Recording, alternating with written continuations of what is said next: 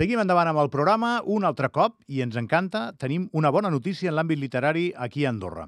Crec que estem vivint una autèntica borratxera de presentacions de llibres i ens entusiasma la idea d'anar parlant amb els autors. Avui a les 7 de la tarda presenta Alan Ward, crec que ho he dit bé, ara, ara em corregirà si cal, a la trenca La vall dels andosins. A més, l'introduirà eh, un altre escriptor eh, d'Andorra, un dels populars i dels que ha tingut també èxits previs que fan que la presentació, perquè a més és un tio que és un gran mestre de cerimònies, ja tingui interès suplementari, que és el David Galvez. Anem a saludar l'Alan, que ens escolta. Hola, Alan.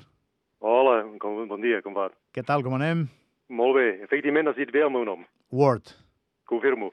Però- Ward, Ward, Vard, se m'ha dit eh, de tantes maneres aquí a Andorra. Però Segur que és, això. és millorable, però Ward eh, és poc arriscat. L'original és més difícil, és Macanvoert, en irlandès. bueno, eh, escolta, enhorabona per fer un llibre, Alan. doncs moltíssimes gràcies. I avui doncs, viuràs un, una tarda molt bonica. Tothom que participa d'aquestes coses com a autor sap que és una tarda en què t'acompanya gent eh, que t'estima, que t'aprecia, que, que, que, que vol veure la, la teva criatura, que li dediquis... Bé, és, Sí, és, és un dia bonic. Efectivament, és, és exactament co- com, tal com ho dius.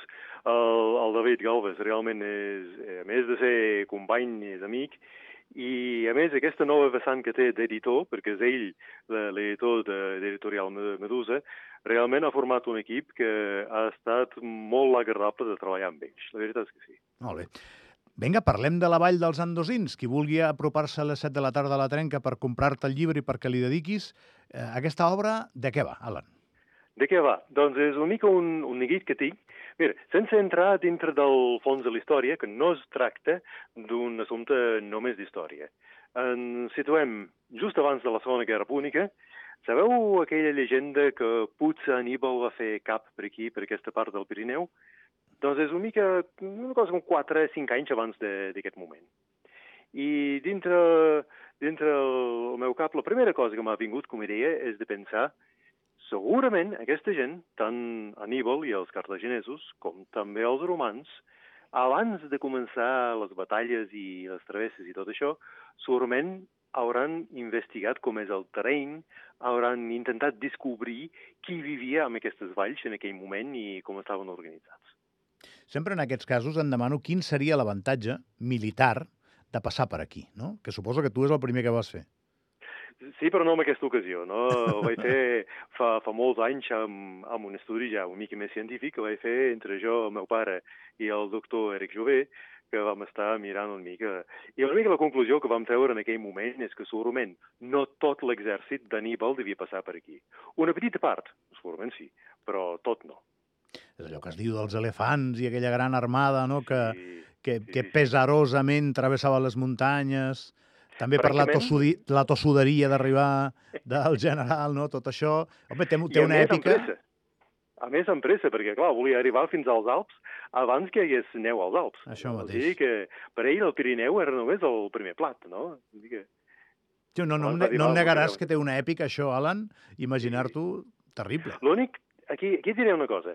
Jo aquí, tota la part èpica, la, la part així de la història coneguda, l'he volgut evitar una mica, i en comptes d'això el que faig, em centro amb un personatge molt menor, no? que ni sabem ni si va existir o no, un jove cartaginès, no? i el situ que quan arriba aquí a la vall per primera vegada, i malauradament, tal com arriba a aquesta vall, eh, que la vall dels Andosins, que tots imaginem que és Andorra, però una Andorra molt canviada, no?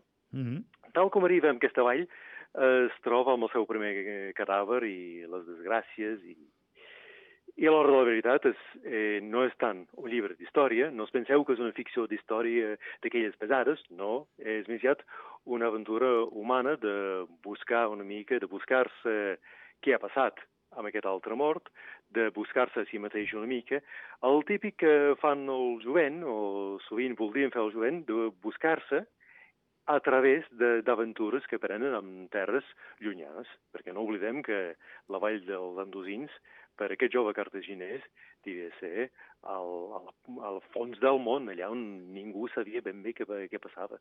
Eh, Devia ser, cada pas devia ser això, no, Alan? En aquella època... Una aventura. Una Sí, sí. aventura, un descobriment, no? Ja, ja et devia... Devies tenir un expert que et devia dir, bueno, aquí, al darrere d'això hi haurà això. Però tu anaves venut, no? M'imagino, no, no hi havia no, expert, GPS. Expert, no, eh? no, és que l'avantatge que tinc jo, eh, parlant d'aquesta època, és que només tinc algunes poques fonts històriques que existeixen. Pràcticament només se sap de tot el tema del, de l'aníbal d'una sola referència, d'un sol historiador, potser un mica més, no, no, no gaire cosa més. Llavors, l'avantatge aquí és que quan em poso el barret de novel·lista aquí, puc escriure per divertir-me, per intentar de divertir el lector, i sense patir massa per la cosa històrica. A veure, és evident que no aniré a fer un contrasentit amb el que sabem, però em puc inventar personatges, llocs, moments, accions que, que han tingut lloc, sense patir massa que em portaran la contrària. molt bé. és un gran avantatge. I tant, i tant, i, i molt profitós en el cas d'algú que està escrivint eh, amb una base històrica, però permetent-se llicències de ficció, boníssima. Escolta, i què és més llegenda? El pas d'Aníbal o el pas de Carlemany? Hòstia, aquí m'has posat que bé que et surt la paraula hòstia, eh, per ser irlandès. Sí, eh? No, no, no, és, és una pregunta d'aquestes complicades, eh? Bueno, és, però en el nostre cas transcendent, que tenim lo de Carlemany a l'himne, eh? Sí, no, no, ja, ja és important a la seva manera. Jo crec, i és una opinió meva, i segurament hi haurà gent que em portaran bastant la contrària, jo crec que el pas d'Aníbal va tindre més influència real sobre Andorra. I ja està. Ja sento el, els historiadors que estan en, afilant els ganivets, com volen clavar. No, no, acabes, Però... de perdre, acabes de perdre 30 vendes de llibres. Se t'han enfadat 30 persones ara. Espero que hagi guanyat 30 més. sí, ja podria ser. Bueno, la, la veritat no, al final escolteu. ens farà lliures. Si Carlemany no va passar per aquí, un dia o altre haurem d'acceptar. Mira, eh, opinió meva, eh? Sí? Jo crec que Carlemany va ser important, no en persona, sinó pel ser, pels ordres que va donar en un cert moment i que ell no va intervenir mai directament aquí a Andorra, però va fer la situació de manera que, que sí, que la gent d'aquí s'han pogut espavilar i començar a muntar la societat eh, postmedieval, que, que, però premedieval que coneixem. A mi una cosa que em fa molta gràcia, Alan, eh, i perdona que et canvi de tema amb el mateix tema, que, que jo tinc les meves, ca, tinc les meves cabòries i, i no, no me les trec de sobre. Crec que, hi ha una, crec que hi ha una paraula que haurà seguit tota la història i no sempre s'haurà dit igual. Tu l'acabes de, de, de pronunciar, que és hòstia. Llavors, per exemple, si, si, si una persona està ara mateix en una nau espacial i li rebenta el sistema de refrigeració i veu que es mor, en el seu idioma dirà, hòstia, si, si un andosí va veure tres elefants passar per aquí en direcció a la vall d'Incles, va dir, hòstia, no, no sé exactament com ho devia dir i no sé exactament quina era la paraula de l'època. Però... Doncs això que acabes de dir és molt important. Eh, I no, no ho crec, francament una, no ho crec. Una cosa que he tingut uh, clau al llarg de, del, de la meva escriptura, del procés d'escriptura, que és que a veure, jo no sé quina llengua parlaven.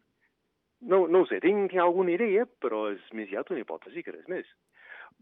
Potser parlaven una llengua, potser parlaven més d'una llengua, amb diferents grups, diferents pobles.